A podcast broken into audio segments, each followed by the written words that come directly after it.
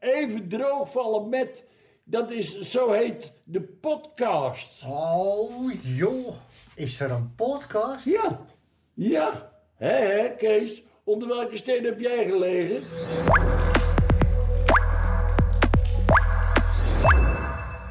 Welkom bij weer een eh, nieuwe aflevering van de podcast Even droogvallen met. Eh, mijn naam is Roos Zwart en vandaag zit ik hier met mijn collega Tamer Populier. En vandaag vallen we droog met Klaas-Jelle Kofferman.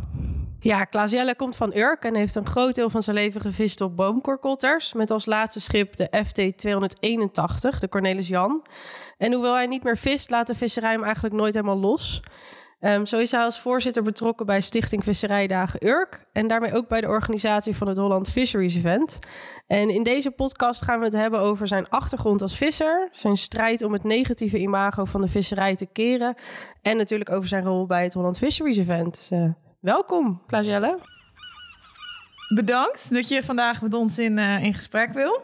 Eh, je bent begonnen, je bent deze hele mooie carrière begonnen als visser. Ja, Kun je hier iets meer over vertellen?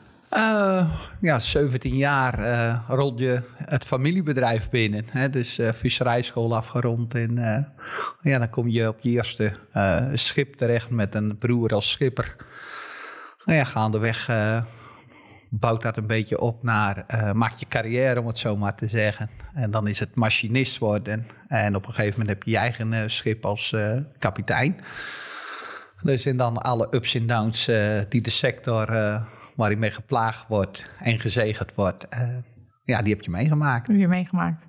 En wat was, er, wat was het mooiste voor jou aan dat vissen, aan de, aan de reizen op zee? Eh, de reizen op zee, dat ze waren voor mij absoluut eh, de nachten op zee. Ja, dus en zowel met slecht weer, liefst met mooi weer natuurlijk, maar slecht weer, mooi weer. Nou, de nachten heb ik altijd als heel bijzonder ervaren. Wat is er dan zo mooi aan? Ja, voor met name eh, de rust. Uh, Collega-skippers die lagen dan allemaal in de kooi. Dus weinig eh, communicatieverkeer. En eh, dus dan had je lekker de rust, radio luisteren, veel radio luisteren. Dus Gewoon even een momentje voor jezelf. ja, want- ja. En- sereniteit op die wijde open zee. ja, en, en ik bedoel, als je dan de VPRO s'nachts beluistert met Casaluna of tussen Pezes en Modder gaat, ja, dan weet je pertinent zeker dat die uitzending alleen voor jou bestemd is. Alleen voor Klaas Jelle. Ja. Een speciale aflevering. Hey, en tegenwoordig ben je vooral eh, actief als jongerencoach. Ja. En heb je eigenlijk wat meer afstand genomen van de visserij. Hoe ben je zo in, dat, in die rol terechtgekomen? Ja, 2016 eh, familiebedrijf uitgestapt. En ja, toch, een, toch nog even een beetje zoeken van wat wil ik en eh, wat komt er op mijn pad. Ehm, toen werd ik vrijwilliger bij een gezinshuis.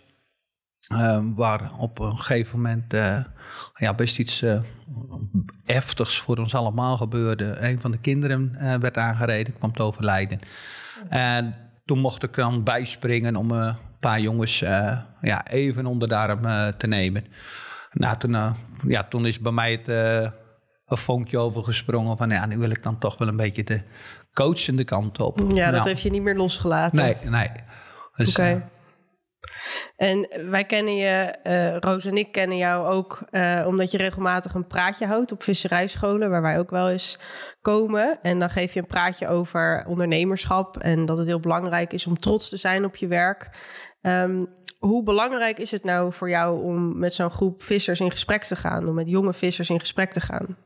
Ja, absoluut eh, belangrijk. En ik denk dat de komende tijd nog belangrijker eh, gaat worden. Hè, van, eh, want laat je zien, maar die, trots, maar ook leer praten, leer communiceren. Zie niet iedereen als je vijand of je tegenhanger. Samenwerkingsverbanden aangaan. Hè. Dat is altijd heel lastig geweest in de visserijsector. met collega's met elkaar of verderop in de keten. Ja, het is gewoon altijd een dingetje geweest. En ja, als we dan kijken waar we nu staan, eh, het is wel een ernstige week op kool. Ja. Ja, Ja. zeker. Ja, en dan is samenwerking en communicatie echt wel van groot belang eh, de komende tijden.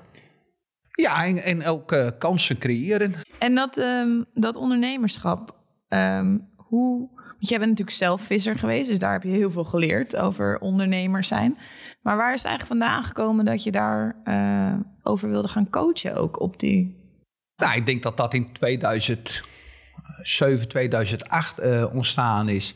En dat in de vooravond van eh, het Visserij Innovatieplatform eh, kwamen. Hè, want toen zaten we ook alweer in zo'n zo'n doemscenario. Het was eh, vissen op een postzegel, dure brandstof. Nou, het herhaalt zich allemaal. En ik denk dat die jaren bij het Visserij Innovatieplatform mij absoluut eh, gevormd hebben.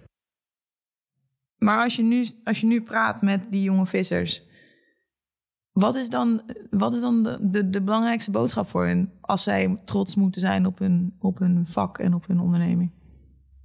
Ja, het is nu wel een hele lastige natuurlijk. Ik hoorde laatst een, een jongen eh, die zei van... eh, mijn overgrootvader, mijn grootvader, eh, mijn vader hebben dit bedrijf opgebouwd. En moet ik dan nu degene zijn eh, die er de stekker uit eh, haalt? Ja, dat is niet een positie waar je in wil zitten. Nee, nee niet, niet als, als jonge vent van begin Nee. 30. eh, Nee, die, absoluut en, niet. en dan ook nog visserman per sang eh, is, hè?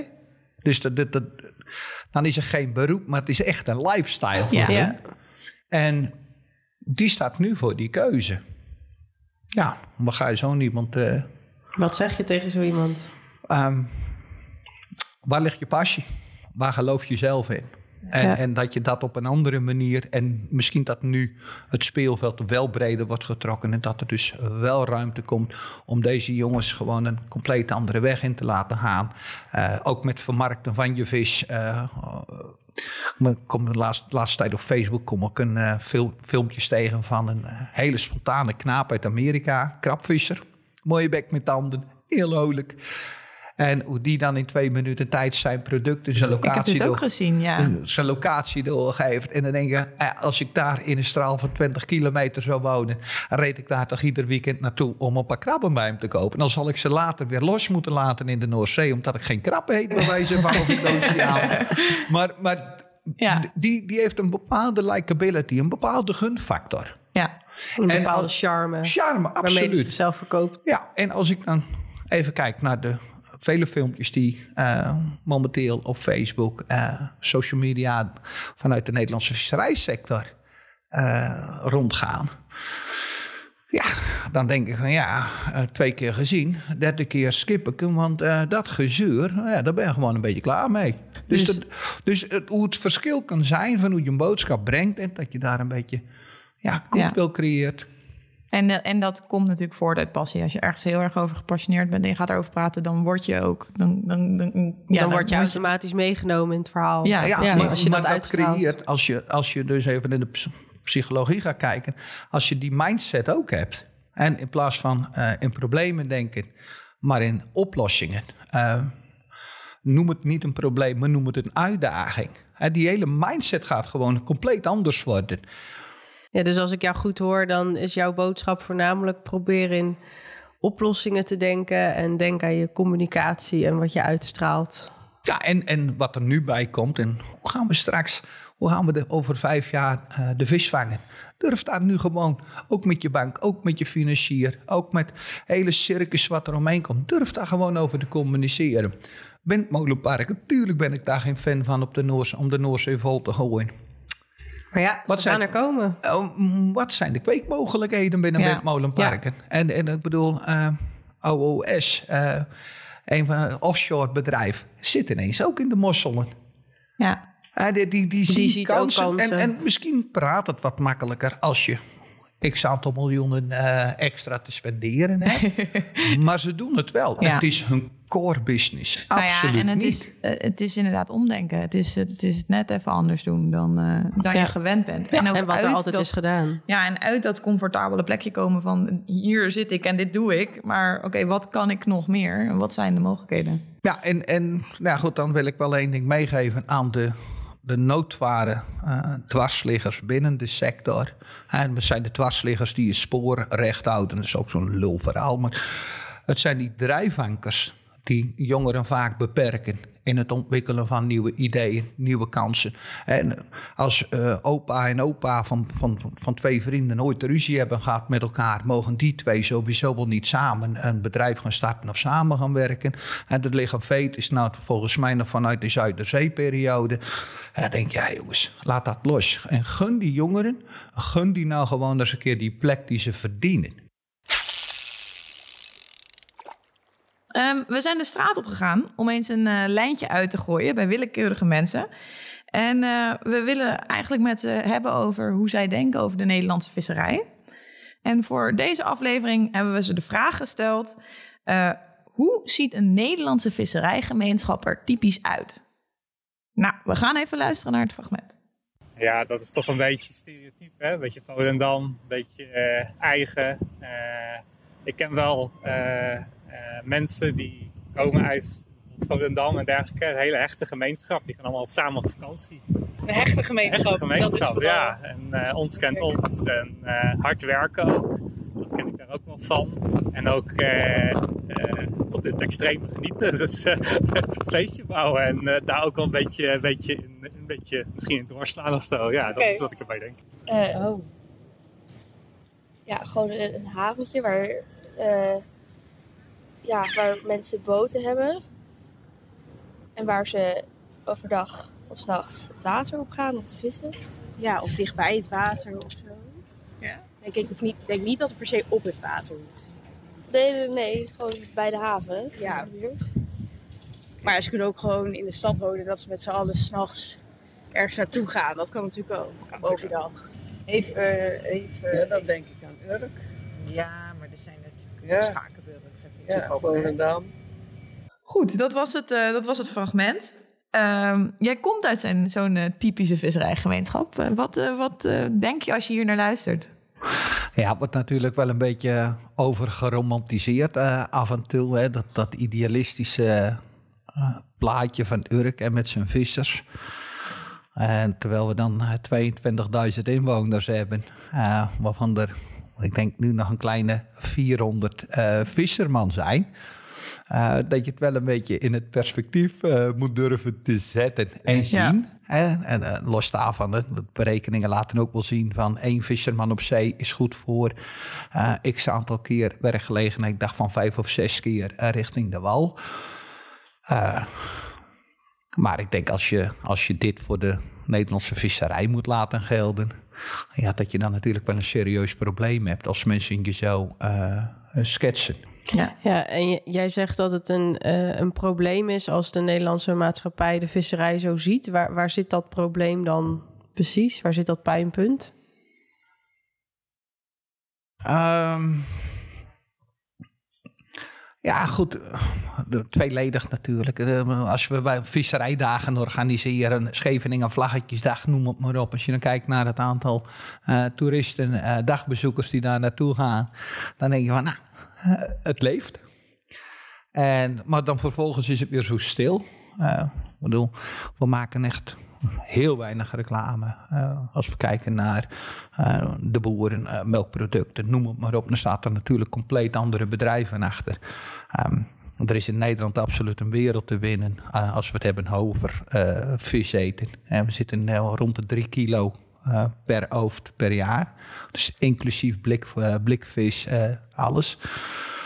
Ja, landen om ons heen ligt dat substantieel hoger. Dus ja, dan doe je het nog niet goed. En, en ik denk dat de sector de laatste aantal jaren ook geen gezicht, gezicht meer heeft ge gehad. Um, Hoe bedoel je dat? Een beetje, we zijn een beetje onzichtbaar geworden. Beetje een boegbeeld mis je. Ja, ja. Absoluut. Om even in de nautische termen te blijven.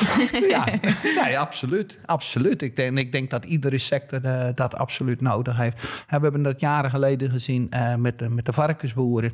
Um, totdat daar ineens de gezinnen uh, ook in beeld kwamen. Het was niet alleen met die boer of die varkens. Nee, ineens zit die, die vrouw is daar aanwezig. De kinderen zijn aanwezig. En Iedereen doet mee. Je, en je geeft een sector gewoon een compleet ander gezicht. Nou ja, goed, daar gaan we toch in koppen. Nou, misschien had er wel sector zijn dat ze het lef moeten hebben om een, uh, een vrouw als voorzitter, landelijk voorzitter, uh, gepositioneerd te hebben. Dan gaan we door naar ons volgende segment. En dat is bakboord of stuurboord. Ehm, net als aan boord moeten er soms duidelijke keuzes gemaakt worden. Ga je bakboord of stuurboord uit? En in deze rubriek eh, bakboord of stuurboord vragen we onze gasten dan ook om harde keuzes te maken. Om een duidelijke keuze te maken. En aan de hand van een aantal stellingen willen we met je in gesprek gaan over het imago van de Nederlandse visserijsector. Daar hebben we het natuurlijk al een beetje over gehad. Ehm, maar we hebben drie stellingen voorbereid en je mag alleen met eens of oneens antwoorden. Oké. En dan na de hand krijg je wat ruimte om te nuanceren. Oké. Ja, ben je er klaar voor? Ja. Dan gaan we naar de eerste stelling. Eh, en die luidt: Je kunt als visser met een eigen bedrijf alleen succesvol zijn als je ook een goede ondernemer bent. Eens. Oké, heel duidelijk. Dan stelling 2 is: Het imago van de Nederlandse visserijsector is door de jaren heen beter geworden. Oneens. Oké, en stelling 3 is: Bij gesprekken over de toekomst van visserijbedrijven wordt de jonge generatie te weinig betrokken. Eens. Nou, dat waren hele duidelijke antwoorden. Ik eh, geef het woord even aan Roos om eh, wat nuance hierin eh, los te peuteren. Als we het hebben over een bedrijf, dat kan alleen succesvol zijn bij een goede ondernemer, eens. Waarom, waarom eens? Kun je het uitleggen? Een goede ondernemer eh, ziet altijd kansen. Ehm, durft ook eh, wat er meer risico te nemen, overwogen wel te verstaan. Eh, maar je bent een goede ondernemer eh, nodig om ook allianties aan te gaan. En dat, kan niet als je het niet kan delen. En eh, kan pas vermenigvuldigen, maar dan moet je eerst leren delen. Dat is zo'n zo'n uitdrukking. En ik denk dat dat bij eh, de succesvollere ondernemers eh, gewoon voorop staat. En, en zoek dus, dus die, die, die samenwerking. eh, kijk verder dan je neus lang is, dan je schip lang is. en, het, en, en, en kijk ook naar de mogelijkheden die, die omringende landen hebben. Hè. Ja. eh, Kijken naar België zijn de bemanningsleden iets meer verzekerd ook van eh, salaris, bestaansrechten. Maar het sociale systeem is daar compleet anders. Ja. Ja, jongens, waarom durven we dat? eh, dat hebben we hier jaren tegengehouden. Ehm, en ja, bemanningen lopen nu weg. Als het even wat minder gaat, die kunnen de offshore in. En ik, ik heb het idee dat ze in België iets langer blijven plakken aan boord van de schepen. Is het, is het vissers zijn, is dat veranderd over de jaren heen? Ja, er is natuurlijk op gebied van regelgeving. eh, ja, dan mag je bijna een secretaresse meenemen eh, aan boord. eh, alle gedoe hè, met aanlandplichten, regelgeving. Nou ja, Maaswijd verschillende gebieden, noem het allemaal maar op. Dus dat is sowieso anders eh, geworden. Maar ik denk dat... En dan, je stuurt als, als visser stuur je, eh, via je lidmaatschap stuur jij besturen aan eh, van organisaties. Maar, maar hoe is het in godsnaam mogelijk dat er soms ideeën, regels eh, geopperd worden in Brussel of in Den Haag, die dan ons overvallen? Ja, En, en, en dan denk ik van, en dit vergt dus een ondernemer die, die, eh, die dat aan ziet die dat aan kan, maar die daar ook sturing in weet te geven. Ja. Zijn er dan nu ehm, ondernemersvaardigheden die in jouw ogen cruciaal zijn, waar een visser eigenlijk niet meer zonder kan? Je had het al over allianties en meer vooruitkijken met elkaar in, in een netwerk opbouwen en in gesprek gaan. Maar zijn er nog andere dingen die een, eh, een visser van tegenwoordig, een ondernemer van tegenwoordig echt moet kunnen? Moet. Maar ja, het is met name communiceren. Ik denk dat dat gewoon de grootste, je grootste is. Laat, laat zien wat je doet. En, en een man een man een woord een woord te gaan. Niet constant met excuses aankomen, jongens. En ik denk dat een waanzinnige goede ondernemer ook een koers durft uit te stippelen. En alverwege op zijn schreden terugkomt. Van jongens, dit werkt Was niet. hem toch niet? Was, wordt hem niet. En we gaan de koers bijstellen. Ja, de tweede stelling eh, was dat het imago eh, van de Nederlandse visserijsector door de jaren heen beter is geworden. Daar was je het mee oneens, heel Ja. duidelijk. Waarom ben je het daarmee oneens? Eh, nou goed, jullie weten dat ik af en toe wat klusjes doe eh, voor de WER en voor Stichting de Noordzee. Als je dan met eh, beach clean-ups eh, meegaat. als je soms op de havens kijkt. eh, even dat Nederland aan het vergroenen is, de maatschappij aan het vergroenen is, dat kunnen we gewoon niet ontkennen. Ehm, daar kun je als sector zijnde heus nog wel eh, stappen in maken. Hebben we niet gedaan, in mijn beleving. Eh, los van een paar initiatieven. Maar kan gewoon altijd beter. Zou eigenlijk gewoon voor ons moeten zijn om, om eh, ja, wat bewuster om te gaan. Ehm, er zijn een heleboel factoren die een rol spelen daarin hoor. Van wat kun je doen aan je imago? Van de zomer, als we vrijdagavond binnenkomen varen eh, richting Harlingen. En er zijn honderden pleziervaartuigen eh, op het Wad aan het varen. En jij komt er met je kotter langs eh, varen met een ekgolf van anderhalve meter.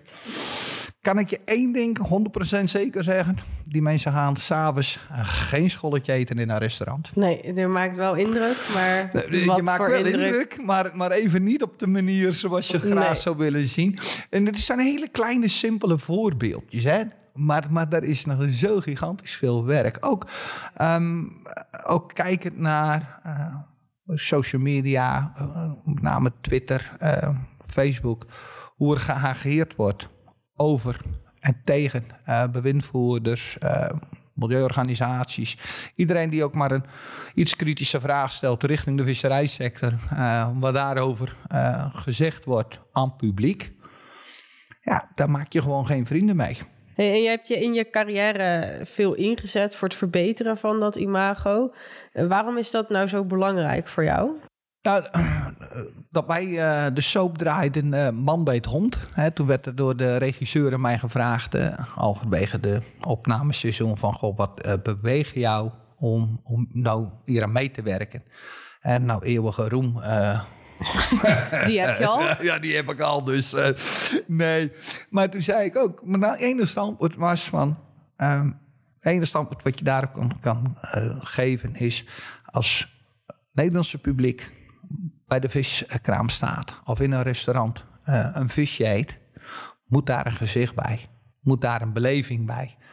En die moet je het Nederlandse publiek wel geven. En welke visser, welke stukje charme. En natuurlijk mag zo'n visser dus af en toe even eh, uit zijn slof schieten. Van ben je nou helemaal... Be Eh, tuurlijk, dat hoort er ook bij. Het zijn mensen, hè? dus laten we dat voorop stellen. Maar je- dat gezicht mis je gewoon van... Ja, of ik dan een, een, een kipnukken eet... of ik eet een, een, stukje kibbeling. Ja, wat voor verschil zit er tussen? En, en dus die trigger van om, om nou eens een keer ja, toch eens wat vaker een visje te eten. Nou, daar hoort een beleving bij, daar hoort, iets in jou, jouw bovenkamer, moet dan iets gaan spelen. Ik bedoel, als we, ik, heb dat op de laatste eh, gastcollege, heb ik, eh ene laatste heb ik de studenten allemaal een magnum eh, gegeven. En gewoon gezegd van ja, wat- betalen jullie op zaterdagavond bij de snackbar voor een Magnum? Nou, dat varieert van de 2,50 tot de 3 euro. Jongens, dat zakje en dat stokje, dat is duurder dan het product wat erin zit. En de hele marketingcircus daaromheen. Ja, daar liggen kansen. Dus het- toch weer een beetje dat boegbeeld waar we het net over hadden, is dus eigenlijk echt om een, eh, een soort van connectie te creëren tussen de consument en, en de vissers. Ja, en, en- en daarvoor is dat imago dus heel belangrijk. Ja, en, en doe dat eens een keer niet op zo'n kneuterige wijze. Doe dat nou eens een keer gewoon volgens, volgens zoals marketingbureaus dat tegenwoordig lekker doen. En, en, en laat dat eens een keer lekker knallen. En eh, nog met, met alle respect eh, voor vrouw Antje. Die zal heus haar werk in Duitsland wel doen. Maar... En ik wil ook bijvoorbeeld geen, geen Urker in klederdracht zien. Eh, joh, dat, dat kan veel sexier, dat Ja. kan, kan veel catchier, kan dat. Hey, en eh, je noemde ook ehm, Stichting de Noordzee. En Dat, dat is natuurlijk een NGO. En het imago van de Nederlandse visserij is ook wel een beetje dat samenwerking tussen visserij en NGO. Hè, dat dat een beetje wringt af en toe, dat dat lastig is. En jij bent als speciaal adviseur actief geweest ehm, bij Stichting de Noordzee. Om dat gat ook een beetje te dichten. Wat heb jij daar precies in, eh, in gedaan? Nou ja, goed, we hebben natuurlijk eh, diverse eh, beach cleanups eh, gedaan. En nou ja, dan kom, je gewoon er niet aan eh, dat er ook zwerfafval eh, van de visserijsector ligt. En, en of dat nieuw is of oud is, daar hebben we met Wouter Jan Strietman inmiddels een programmaatje voor opgezet. Van joh, laten we dat maar eens in kaart brengen. Er komt er steeds meer nieuw materiaal bij. Hè. Of wat we nu op de stranden vinden, is dat eh, oud spul. En, en nou, Fishing for Litter is zo'n zo'n initiatief eh, wat ooit door, eh, hoe heet ze van de zeehonden? Leni het kunt dat ik dat niet... Nee, maar Leni het is daar ooit eens mee begonnen. Net toen, toen was ik daar ook al enthousiast over. En, en dan ja, begint iedereen gelijk... Ja, dat, dat moet je niet doen. Eh, jongens, we vissen onze eigen eh, gebieden ook schoon. Hè, waardoor je niet constant die rotzooi Ja, in je netten hebt. En, en we hebben nu een plek waar het je kan afgeven. En Visje voor Litten borduurt daarop voort. En, maar draagt dat dan ook uit? Je geeft de hele tijd hele mooie eh pushes in de rug voor de vissers om dingen anders te doen en beter te doen. Maar zijn er ook momenten geweest waarop jij zag dat de visserij echt veranderde? Of dit echt oppakte als wow, dit is er aan de hand en we moeten hier iets mee? En ja, de wake-up calls eh, waren in eh Stellendam. eh, was van een beach clean door plaatselijke opruim vrijwilligers. Er was behoorlijk wat afval vanaf een bepaalde hoek daar verzameld. En eh, goed, ik werd dan gevraagd om ook daar de aange- opgezochte netten eh, te gaan analyseren. Hè. Hoe oud zijn ze? Waar komen ze vandaan? Welke visserij? Nou, dat soort dingen. Ja. En toen kwam er ook een oud visserman en bestuurslid van de plaatselijke producentenorganisatie. Daar die kwam binnen. Nou, die was niet betaamd vrolijk eh, die morgen. Hè, want eh, je doet het alleen maar om ons naar de knoppen te helpen. Hè, dit soort idiote project. Nou, noem het allemaal maar op. maar die gaande... eh, die paar dagen die we, we daar geweest zijn, toch wel tot de ontdekking kwam dat er wel bijzonder veel was van die periode. Daar schrok je echt wel een Daar schrok je echt van. En dat aan het eind van de, de laatste dag ook gezegd hebben van... Ja, toch eens een keer de samenwerking op gaan zoeken met die eh, milieujutters en de visserijsector. Om niet om elkaar eh, de boeman of, of de zwarte piet toe te spelen. Nee, maar jongens, dit is gewoon een stukje bewustwording. Waar Ja. we samen... En het kost helemaal geen energie, kost ook geen geld. Kost alleen even een middagje met elkaar een stukje strand lopen. En laat maar eens zien dat je van met elkaar dan eh, tot welke conclusies je kan komen. En tot welke oplossingen. En dat was echt wel een eye-opener. Ja, mooi. Mooi om te horen. Ja, je hebt dus al best wel veel gedaan om het imago te verbeteren, als ik het zo hoor. Ehm, waar liggen op dit moment nog kansen om, eh, om het imago verder aan te pakken? Dat is een hele lastige vraag nu. Ehm, omdat je van de, eh, als ik het goed eh, begrepen heb, inmiddels 60 eh, schepen op een saneringslijst staan van de grote Kottervloot. Ehm dan denk ik dat je momenteel als bedrijf zijn de compleet andere prioriteiten hebt. En dat alles wat je nu nog eh, doet, voor wie? Ehm, dus, en je moet nu denk ik ook de focus niet meer leggen op mensen die gaan saneren. En dat- dat- als dat een gegeven is. Maar dan ook gelijk, jongens, dan is dat klaar. En dan nu de focus leggen op eh, De mensen die doorgaan. die doorgaan en door Ja. willen gaan. En hoe? En Ja. hoe, En hoe ze ja. door willen. Ja. Ja. Ik denk dat En wat dat ze nodig vele hebben. malen belangrijker is. En daar komt dus wel een gezicht boven, ook in de PR. En, Ja. en, het, en, en daar ook, dat, ik denk dat je dat wel richting het ministerie ook gelijk moet afgeven, dat signaal. En we gaan saneren. Ja, capaciteit op de Noordzee is meer dan voldoende. Eh, bestanden zullen zich nog rapper gaan herstellen dan, dan ooit tevoren. Hè, gezien ook alle wetenschappelijke signalen die, die altijd afgegeven zijn. Maar dan wil ik ook groei zien, weer over vijf Ja. jaar. Ook vernieuwing. Nog steeds met duurzamere schepen, met nieuwere technieken. Maar maak het ook mogelijk dat die groei er weer komt. Ja, daar moet wat tegenover staan. Ja, Goed, we gaan naar de derde en laatste stelling. Eh, bij gesprekken over de toekomst van de visserijbedrijven wordt de jonge generatie te weinig betrokken. Hiermee antwoordde jij eens. Waarom eens? ik denk dat eh, als je kijkt naar het gros van de bedrijven... eh, gerund wordt door de oudste broer, oudste oom... En dat er voor de actieve jongeren eh, vissers op zee eh, daar te weinig ruimte is in de bedrijfsvoering. Eh, ook met eh, een stukje visies. Ehm, vaak wordt iets afgedaan van ja, dat hebben we al eens geprobeerd. En als je in sommige vergaderingen, dan is het altijd over vroeger. Ja, maar vroeger betaalt de rekening niet. Eh, vroeger eh, geeft me ook geen eh, toekomstperspectief. En durf ook eens te kijken naar alle technieken die zo gigantisch verbeterd zijn. eh, nieuwe technieken. Ehm, dus implementeer nu eens je oude plannen in een nieuw jasje. Hè, kijk wat dan de mogelijkheden zijn. En uiteindelijk zullen het de jongens die nu op zee zijn, het ook doen moeten. Ja. Dus die moeten snappen wat de, die moeten meegenomen worden in die, in die innovatieve stroom die er gaat, gaat komen. Dat kan ja, niet anders. absoluut. En dat is dus niet alleen op bestuurlijk niveau, maar dus natuurlijk ook, eh, sorry, uh, bedrijfsmatig uh, niveau. Maar dus bestuurlijk geldt er precies hetzelfde. Ja. ja, en dan plan je je vergaderingen maar eens anders.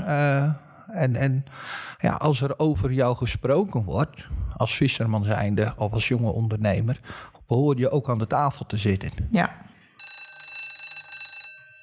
Dat was de bel. We gaan uh, de netten ophalen en eens even kijken welke vragen we nu weer uh, boven water halen. We gaan even naar de vraag van uh, Henk luisteren. Hey, goedemiddag. Dit is Henk Buis. Ik ben schipper-eigenaar van de Texel 43 en daarbij ook lid van Klankbord Visticket Maar. Een inhoudelijke vraag aan Klaas Jelle is toch van... hoe maken wij het leuk voor de jeugd, voor de visserij? Hoe werf je nieuwe jeugd want het is nu toch wel een beetje een, een probleem aan het worden voor bemanning. Hollandse bemanning. Van hoe krijgen wij weer een, een positieve gedachte naar de visserij toe? Hoe maken we het leuk? En hoe, hoe betrekken wij de jeugd er meer bij, zodat er ook meer jeugd naar de visserij toe trekt? Ook voor de scholen. Dat is toch het begin. En als we dat begin misschien kunnen veranderen, dan veranderde daarna ook wel voor de visserij zelf. Zodat alles wat positiever uitpakken met je eigen mensen. Ja, mooie vraag. Uh, ook zo'n leuke, leuke uitspraak is van... Uh, als je schepen uh, wil gaan bouwen... dan moet je geen scheepstimmeraars zoeken... maar je moet mensen zoeken die verlangen naar de zee. en ik denk dat dat voor de visserijsector komende jaren cruciaal wordt. Uh, um, kunnen we dat verlangen naar de zee weer, weer, weer uh, omhoog krijgen? Hè? Kunnen we die, die passie en die liefde voor het vak, uh, alle ja. kennis die daarbij komt kijken. En laten we wel weten, het is geen ondergeschoven kindje, simpele arbeid. Nee, het is gewoon absoluut vakmanschap. En ja. hoe, kunnen we daar, hoe kunnen we dat weer bij de jongeren uh, teweeg brengen? In plaats van, nou ja, je kan altijd nog visserman worden. Nee, het is een bewuste keuze. Het is een, ja. een, een lifestyle. En een fantastische lifestyle. En je bent met de natuur bezig. Niets is in beton gegoten. Je, je moet kunnen anticiperen. En, en elke dag is anders. Elke dag is anders. En, en als je daar uh, naar verlangt en, en je kan dat handelen. En je kan dan ook nog een boterham verdienen. En, en je kan je gezinnetje onderhouden. Ja, dan heb je het mooiste werk van de wereld. Um, we hadden het net ook over de jonge vissers en ze betrekken bij bijvoorbeeld bestuurlijke gesprekken. Waar zit daar de uitdaging in? Het volhouden. Um, kijken naar die vier, vijf jaar visserij innovatie uh, platform. Uh, hoeveel zaterdagen uh, daarvoor opgeofferd heb. Ja. En ik bedoel, en ik ben single, ik heb geen kinderen, maakt het nog iets makkelijker. Maar als je op vrijdagavond, zaterdagmorgen thuis komt van zee. En dan moest je nog een keer naar Schiphol toe, uh, naar het Van der Valk Hotel. Om tot de lunch aan toe daar nog een keer uh, te gaan vergaderen. Uh, plannen te maken die ook nog eens een keer uitgewerkt moesten worden. Dus een zware belasting. Ja. En, en dat wordt nog wel eens onderschat. Uh, begin iedereen enthousiast. En totdat er toch iets meer bij komt kijken. Vooral als het een maandelijks uh, terugkerend fenomeen wordt. Um, en, en dan ook dat doel nog een keer voor ogen hebben. Hè, van, van ja, en wanneer uh, gaat er dan daadwerkelijk iets gebeuren? En, maar dan pluk je de vruchten van al die zaterdagen. De, ja. En, en, dat heeft een tijd geduurd. En, en daar moet je je heel bewust van zijn. Um, en je kan alles compenseren met geld. Maar als, de, als die passie en die liefde er niet is. En ook dat hogere doel, dat gezamenlijke doel er niet is. Uh, dat iedereen uh, die daar naartoe gaat of denkt van, nou ja, laat hun maar lullen. Uh, ik ga lekker mijn eigen koers bepalen. Ja, dan wordt het een lastige. Nou ja, en dat is ook, ik denk dat het belangrijk is voor de vissers om te kijken naar de dingen die ze delen. Naar dat wat ze, wat ze gemeen hebben. En, als Ja. je, en daar vind je elkaar en daar kun je elkaar versterken. Nou, ik wil nog even teruggaan naar de actualiteiten. Want binnenkort is natuurlijk het Holland Fisheries Event. En naast alle activiteiten die we net al hebben besproken, ben jij bij dit event ook heel erg betrokken. Ehm, het vindt al over een week plaats als, de, als deze podcast live gaat.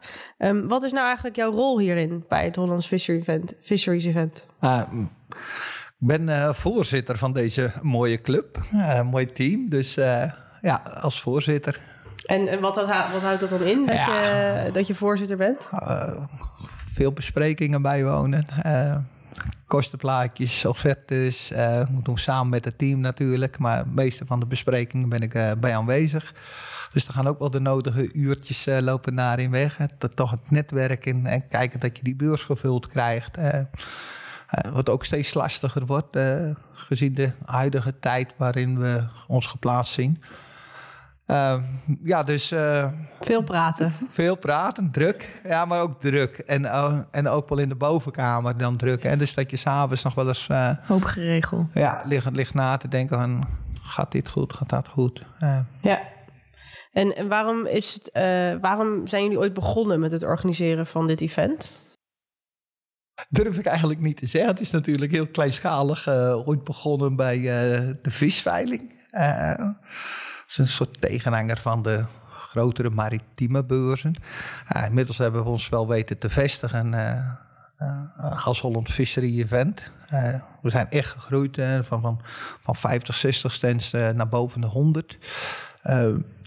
Markt was er natuurlijk naar. Hè. Niet veel nieuwbouw in de laatste jaren. Er kwam toch weer die schwung kwam. en ja, dan zien, daar haken een heleboel bedrijven op in. En die willen zich ook laten zien. Uh, ook komt er om het hoekje wel steeds meer uh, binnenvaart en, en sleep- en duwvaart uh, om de hoek kijken. Dus ja, het maritieme gebeuren, vooral voor Urk heel belangrijk om dat ook goed zichtbaar te maken.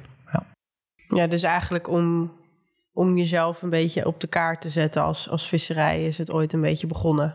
Ja, en, en nu als visserijgemeenschap, dan laten we kijken als je de bedrijven die, die eigenlijk hun ontstaans- en bestaansrecht uh, te danken hebben gekregen van de visserijsector. En elektri elektriciëns, uh, scheepsbouw, timmerbedrijven, uh, toeleveranciers. Ja. Een breed scala aan bedrijven heeft daar wel zijn start-up door kunnen meemaken en groeien. Ja. ja. en al die bedrijven mooi uitlichten op een beurs. Ja, dan, ja, en ook, en ook, die bedrijven zijn natuurlijk uh, verder zich gaan ontwikkelen. Hè. Een visserijcoöperatie heeft natuurlijk zijn eigen, uh, zijn eigen zaal. Uh, ooit natuurlijk 100% afhankelijk en van en voor de visserman en voor de visserijsector. Maar heeft inmiddels natuurlijk zijn bakens ook gigantisch verzet. Ja, en, niet alleen in Nederland, maar nee, ook internationaal. Dat is internationaal een, een, een, een, speler geworden. Ja, ja mooi. Ja, dus die mogelijkheden zijn ooit wel geboden natuurlijk door de visserijsector. Ja. ja. Goed, hoop voorbereidingen dus. Je bent er druk mee. Uh, wat verwacht je van de aanstaande editie? Ha. Ja, eerder genoemd met uh, eh, 60 schepen op een saneringslijst. Uh, ik ik zou bijna denken, dat gaat de begrafenisstemming uh, worden, maar dat gaat het dus uh, niet worden. Heel uh, goed, heel we goed. Hebben, nee, we hebben met Geert Oekstra van ROC Free Support hebben we de ehm, hackathon, wordt er, vindt plaats en rondom de beurs. een fantastisch initiatief voor volgens als ik het goed begrepen heb, inmiddels meer dan 80 uh, leerlingen zich hebben aangemeld. Uh, die een aantal uh, vraagstukken krijgen voorgelegd. En dan mogen zij op gaan schieten in twee dagen, drie dagen tijd. om met leuke, vernieuwende oplossingen te komen. Klinkt heel mooi. Ja, dus en. ja, dat wil ik vasthouden. Ja we hebben eerder al gezegd, het houdt niet op als we gaan saneren. Uh, nee, dit is het begin. En het wordt misschien een compleet nieuw begin. Ja. Nou, en dat willen we als beursorganisatie absoluut uitstralen. En dus dat, de focus ligt op die doorgaan? Uh, uh, absoluut, absoluut. En, en dat is vier jaar geleden op de beurs... werd er nog over het nieuwe schepen gesproken. Dat is zes jaar geleden. En nu ga ik kijken van... oké, okay, nou dat zal volgend jaar nog niet gaan gebeuren. Maar als we vinger aan de pols houden, uh, volgende beurs, Hè? We leven in welzijn 2024. En nou, misschien kunnen we dan weer over nieuwbouw praten. Ja. Nieuwe schepen, nieuwe visserijmethodes, nieuwe technieken, whatever. Sky's the limit. Mooi. Mooi. En eh, zijn er nog andere manieren waarop jullie heel erg de focus leggen op, die, eh, op de toekomst en op de, het vooruitkijken? Nou ja, eh, er zijn een aantal eh, sprekers natuurlijk die, die, die eh, lezingen geven. Eh, we proberen het altijd wel te beperken, eh, omdat anders de beursvloer eh, leeggetrokken wordt. En dat wil, dat wil je de standhouders ook niet aandoen. Nee. Maar ik denk dat we gewoon, eh, ja, dat iedere standhouder wel weer iets vernieuwends heeft. En, en, en die jongens die staan er ook om hun bedrijven eh, de toekomst te bieden. Dus ik denk dat die echt wel met vernieuwende dingen gaan komen. Leuk. Mooi om te zien dat je er zoveel zin in hebt. Je wordt er helemaal blij van. Ik vind het leuk. Ja, ik had er al heel veel zin in, maar ik krijg er alleen nog maar meer zin in.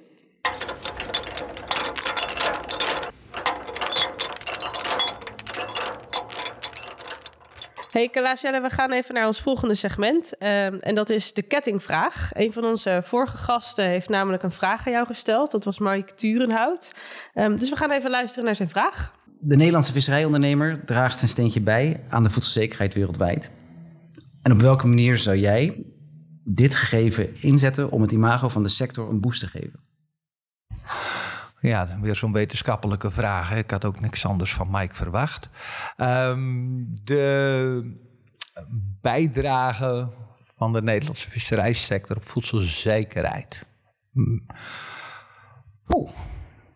Ehm, kijk, er zijn allemaal van die dooddoeners. Hè? Vis is gezond en eh, noem het allemaal maar op. Eh, het is ook gezond. Het, het, het, is ook een waanzinnig product. Ehm, ja, en dan kom ik weer bij die Magnum uit. Ja, durf, durven. Eh, durf het te vermarkten. Durf het naar het segment toe te brengen waar het, waar het thuis hoort. Goed, we hebben het eh, heel veel gehad over eh, nou ja, jouw, jouw loopbaan, over de geschiedenis, eh, over de actualiteiten, over hoe het er nu voor staat bij de visserij. Maar wat ik eigenlijk nog met je wil doen, is even naar de toekomst kijken. Dus ehm, dat imago wat een visser nu heeft, veel van het imago wat een visser heeft, wat we ook hoorden in die eh, straat van, eh, straatvragen, is gevormd door een hele rijke geschiedenis. Het zijn die dorpjes, die gemeenschappen waarin dat heerst. En het is iets wat je al jaren doet. Het gaat van generatie op generatie. Maar we hebben het er ook over gehad dat imago dat gaat, moet, kan veranderen. Hoe ziet dat er over 30 jaar uit?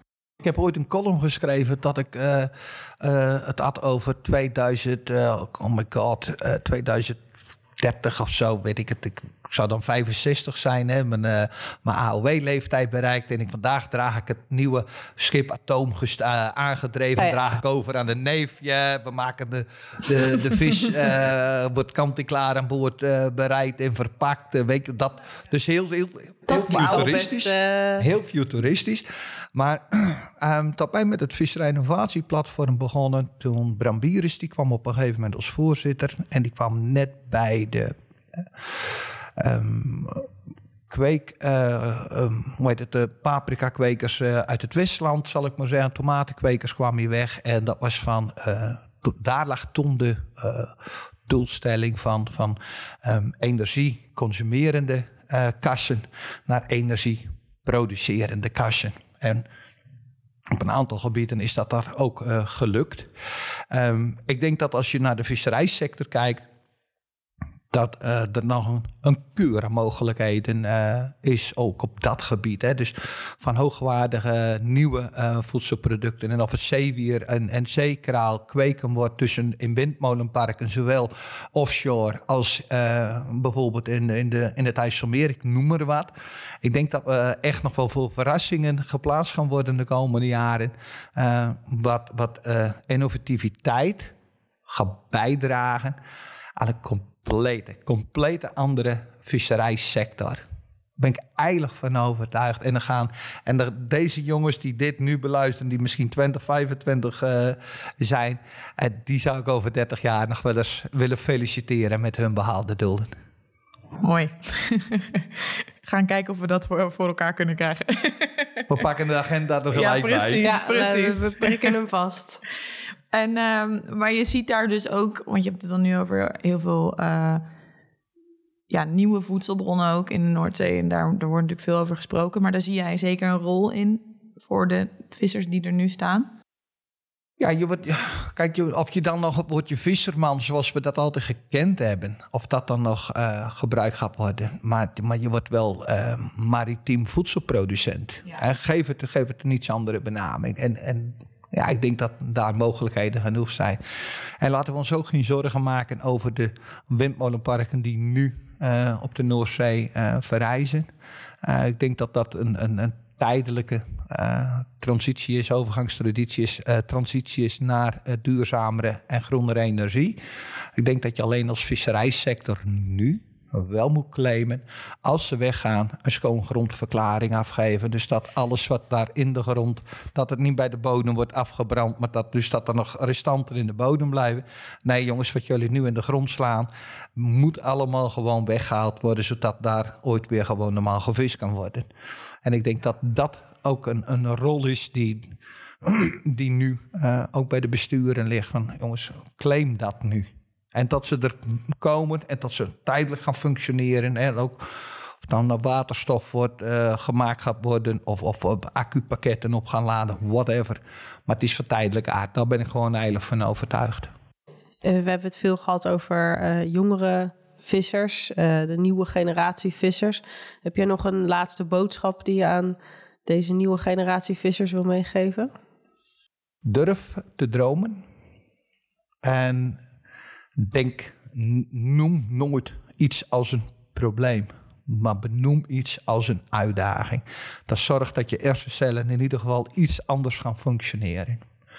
En elkaar afzeiken en afpraten is zo makkelijk. Maar vergt echt ondernemers om elkaar, in elkaar de kracht te zien naar de toekomst toe. Dat vergt ondernemerschap en dat vergt visie, vergt lef. En samenwerking. En samenwerking. Um, ik denk dat dat een hele mooie afsluiting is voor deze aflevering met Klaas Jelle. Um, dus dat brengt ons tot het einde van deze aflevering. En uh, we willen graag de luisteraars bedanken voor het luisteren naar Even Droogvallen met Klaas Jelle. En uh, Klaas Jelle, we, we, willen jou heel erg bedanken voor je tijd en voor uh, het geven van je verhaal. Um, en het is heel goed en fijn om te horen ja, wat voor warm hart jij de visserij nog toedraagt en hoe hard jij daar nog voor inzet. Um, we hopen dus dat jij als luisteraar deze aflevering net zo inspirerend vond als dat Roos en ik dat vonden. En mocht je nog vragen hebben voor Klaas Jelle, dan kun je ze stellen via info.visticketmaar.nl of je kan ons benaderen via sociale media, via Facebook, Instagram of Twitter. Uh, vond je deze aflevering interessant en wil je nou meer weten? Abonneer je dan op de Vist podcast Even droogvallen met. En dan verschijnt de volgende aflevering in je favoriete podcast app. Deze podcast werd mede mogelijk gemaakt met support van Europees Fonds voor Maritieme Zaken en Visserij.